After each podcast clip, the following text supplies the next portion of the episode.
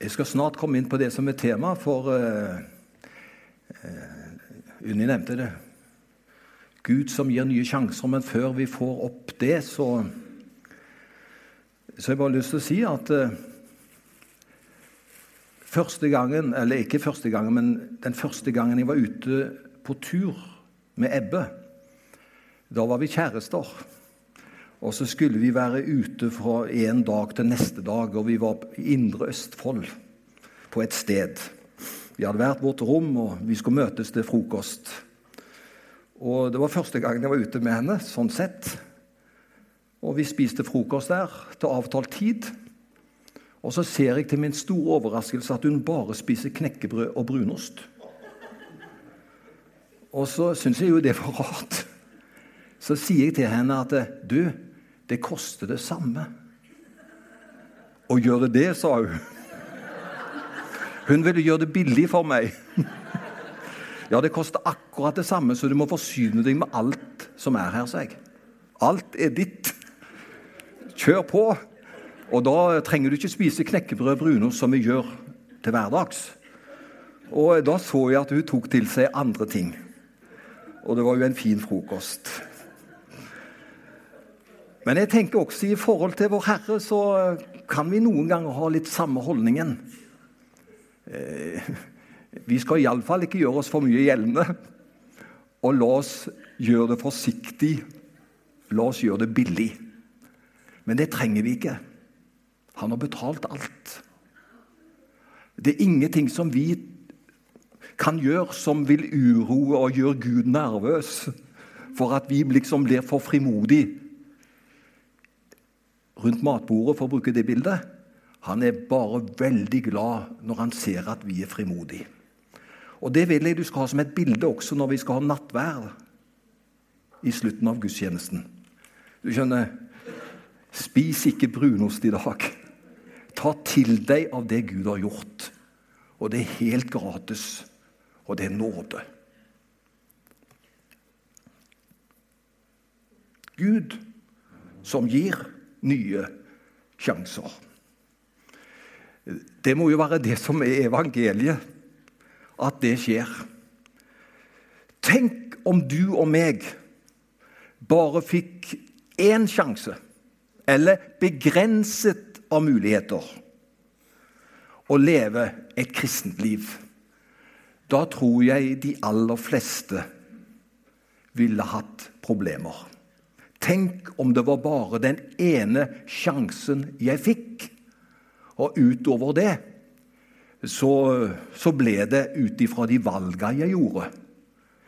Eh, vi ville aldri klare en slik standard og en slik situasjon.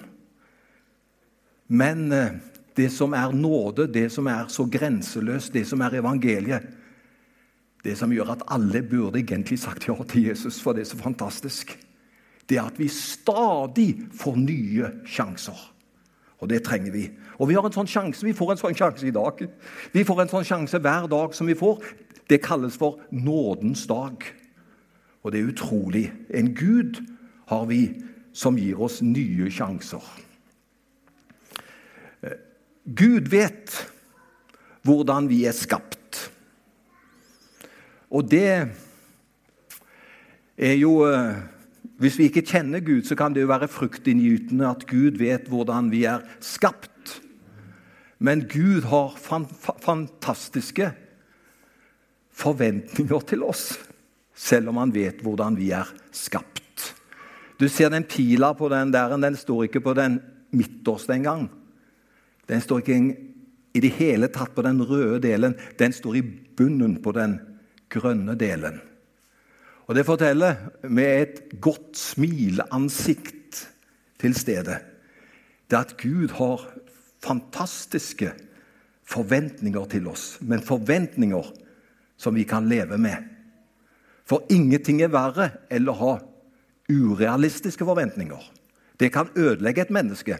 Men når Gud har forventninger til det, så er det at han, han tenker sånn Dette skal gå bra. Dette trenger du ikke være redd for. For dette kommer til å gå bra. Det er slike forventninger Gud har til oss, og han har det til oss alle. Og I Salme 103, vers 14, der står det Vi kan jo lese det.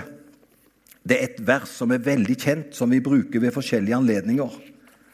Men jeg vil lese det fordi det forteller om Guds forventninger, at Gud kjenner oss. Det står For han vet hvordan vi er formet. Eller en annen står det han vet hvordan vi er skapt. Og så står det han kommer i hu, eller at han minnes at vi er støv. Du vet, Vi har problemer med støvet. Tenk på stua di. Og, og, og, Da kan vi nesten bli irritert på sola. Kan den ikke være litt unna? Fordi eh, det irriterer oss, og noen ganger skaper det dårlig samvittighet når vi ser støvet. Men vet du hva? Jeg har et godt budskap her i dag. Gud elsker støv. Han kommer i hu at vi er støv. Hvorfor skal vi prøve å polere og gjøre det så vakkert rundt oss, og så blir det et slit?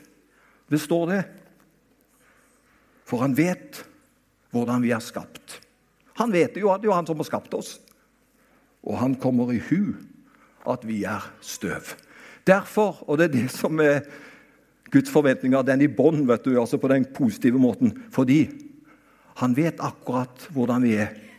Og da vil han gi oss nåde, han vil gi oss hjelp, og han vil løfte oss opp. Det er jo det som er det fantastiske med evangeliet. Og så kjenner jo Gud oss inn og ut. Og Gud var veldig tidlig ute med kunnskapen og kjennskapen om oss. Bare se på neste skriftsted, du. Skal du se hvor tidlig Gud er ute. Nesten utrolig at han er så tidlig ute. Jeg må få lov å lese det verset, Jeremia 1, vers 5. Før Det står ikke når eller etterpå, men det står 'før jeg formet deg i mors liv'. Ser du hvor tidlig Gud er ute? Jeg tror Gud er ute før du har sex i ekteskapet og planlegger barn. Gud er ute før det. Du skjønner, Det blir aldri et uhell hos han. Det bare ble sånt. Før, står det. Jeg formet deg mors liv, kjente jeg deg. Før du ble født, helget jeg deg. Jeg satte deg til profet for folkeslagene. Jeg syns Gud er litt dristig også. Hva visste han egentlig om det fosteret? Og så helliget han han mens han var et foster, og så satte han han til og med som profet. Tenk om Gud tok feil. Han kan ikke ta feil. Gud har oversikten, og han vet alt. Og dette kan han si til Jeremia.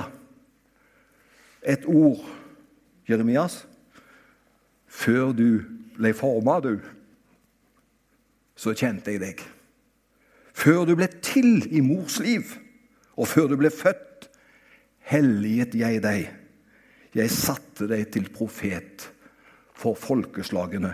Og det er vidunderlig å minne hverandre om at han vet alt om oss før den første dagen er der. Så Derfor kan jeg bare si det. Jeg håper det er en god nyhet til deg. Gud vil aldri bli overraska over noe i ditt liv. Vi kan jo overraske hverandre både positivt og negativt. Men Gud blir aldri overrasket av noe i ditt og mitt liv. Han kjenner oss, han vet hva som vil skje. Og Da jeg forberedte meg tidlig i uka nå, som ligger bak, så var jeg inne og så litt i Hverdagsbibelen. Og da slo jeg opp i det ordet Klagesangen 3, 21-23. Og der kan jeg bare sitere hvordan Gud ser på oss, og hvilket håp det er i det. For det står i Klagesangen 3, 21-23.: Men jeg har fortsatt håp og det er på grunn av Herrens godhet at det ikke er helt over og ut med oss. For det er ikke slutt på hans barmhjertighet. Den er ny hver morgen.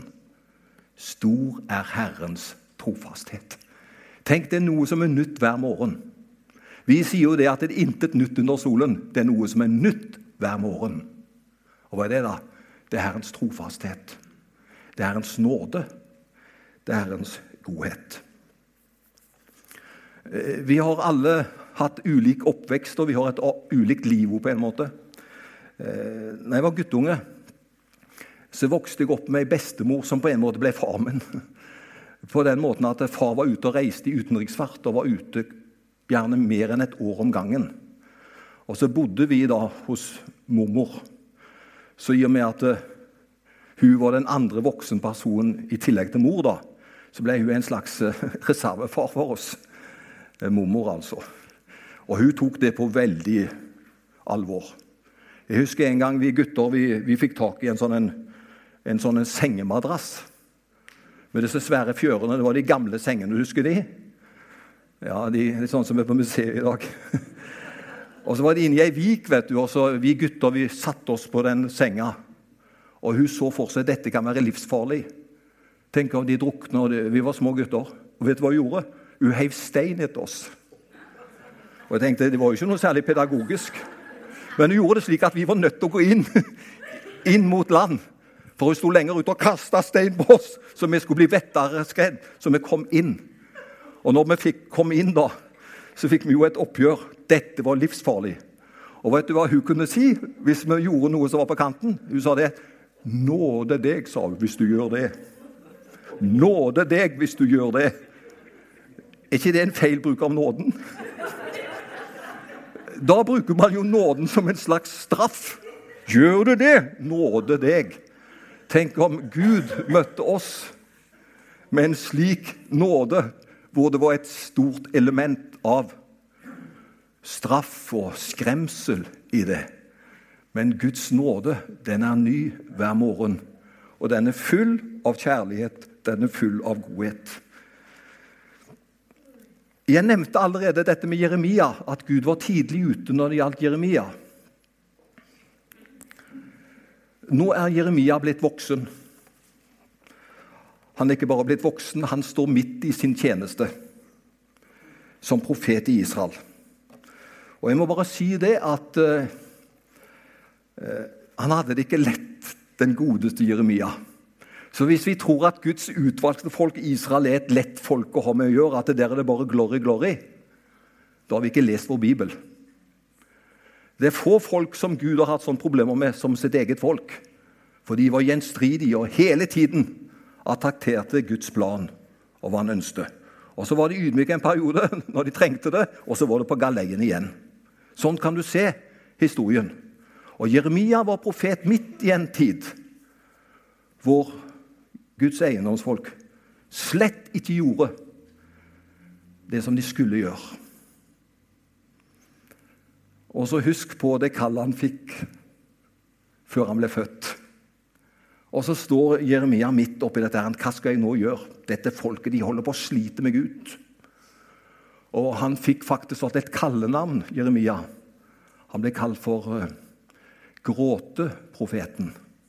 Og det var nok sikkert fordi han tok også lidelsen innover seg når han så hvordan folket gikk på en vei som ikke var Guds vei. Og Han hadde masse utfordringer når han så på det. Og plutselig, sikkert en svart dag i Jeremia liv, så sier plutselig Gud til ham, Det står i Jeremia 18, bare så du vet hvor det står henne. Eh, så sier Gud til Jeremia, gå ned til pottemakerens hus. Der skal jeg lære deg noe. Gud kan lære oss overalt, han. Gud kan lære deg på kjøkkenbenken, Gud kan lære deg på jobben. Gud kan lære deg forskjellige steder ved at du får bilder. Og nå sier Gud til profeten at 'gå til pottemakerens hus'. Der skal jeg lære deg noe. Og så går jo Jeremia. Jeg vet ikke hvilken forventning han hadde, men han går iallfall. Fordi Gud hadde sagt han går der, og så går han. Og så ser han pottemakeren. Han jobber med leiret og forme det og behandle det tøft. For jeg vet at de som behandler leir for å få ut steiner og luft, og alt det der, det er en tøff behandling de får. Men det må til for å få det preparert og gjøre det fint. Og så er han kommet enda lenger i prosessen enn det.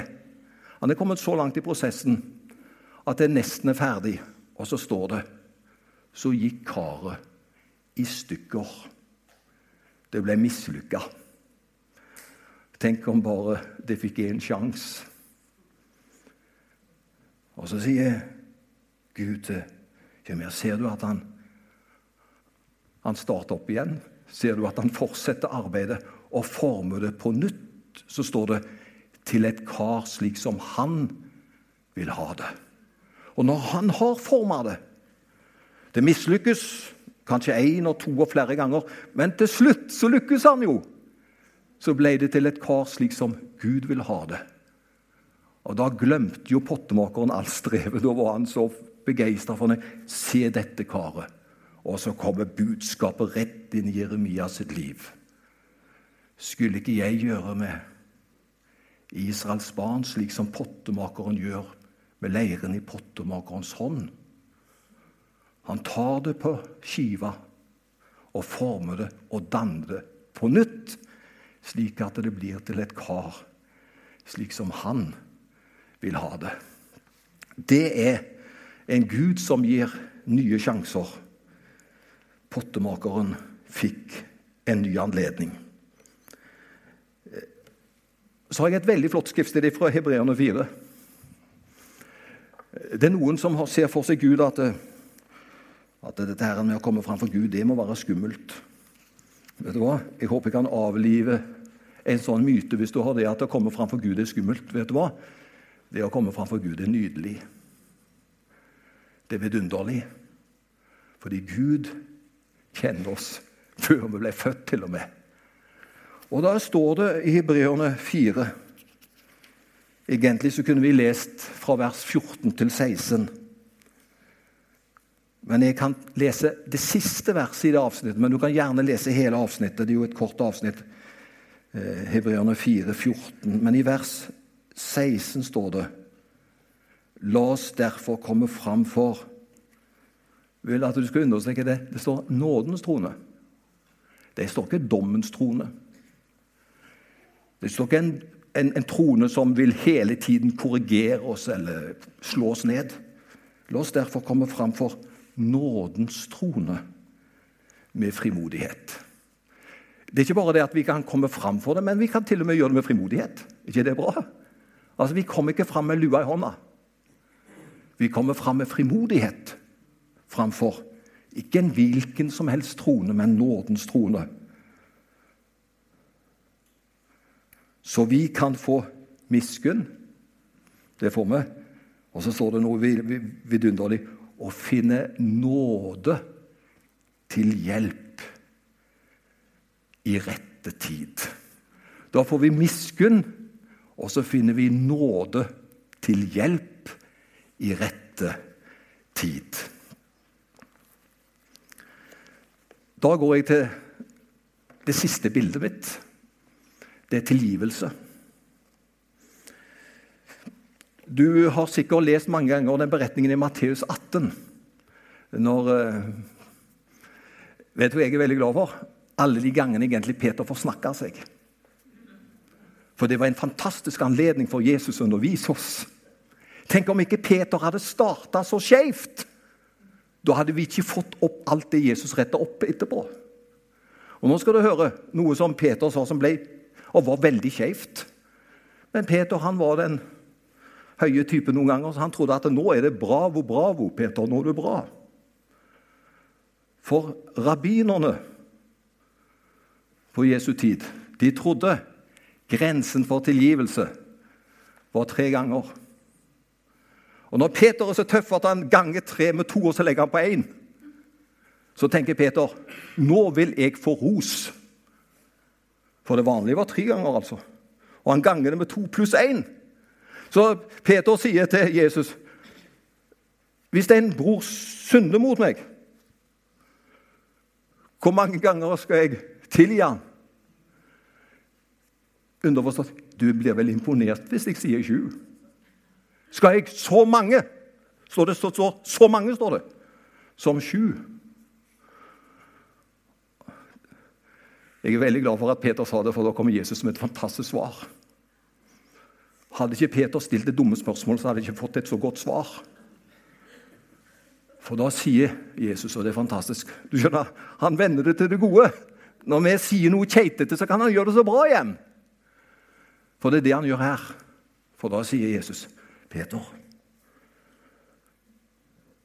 Så mange som sju. Og hadde Jesus stoppa der, så mange, så hadde Peter Ja, det var mange. Men Jesus han lurer han, vet du. Han sier 'så mange som sju'. Nei, sier han! Ikke sju, men 70 ganger sju. Og 70 ganger sju, det er ikke 490 i dette regnestykket. Det er uendelig. Og Da kommer tilgivelsens gåte og tilgivelsens nåde. Hvor mange ganger skal vi tilgi? Ubegrensa betyr det. Ja, nå, nå syns jeg ikke jeg har mer å gå på, sier du kanskje.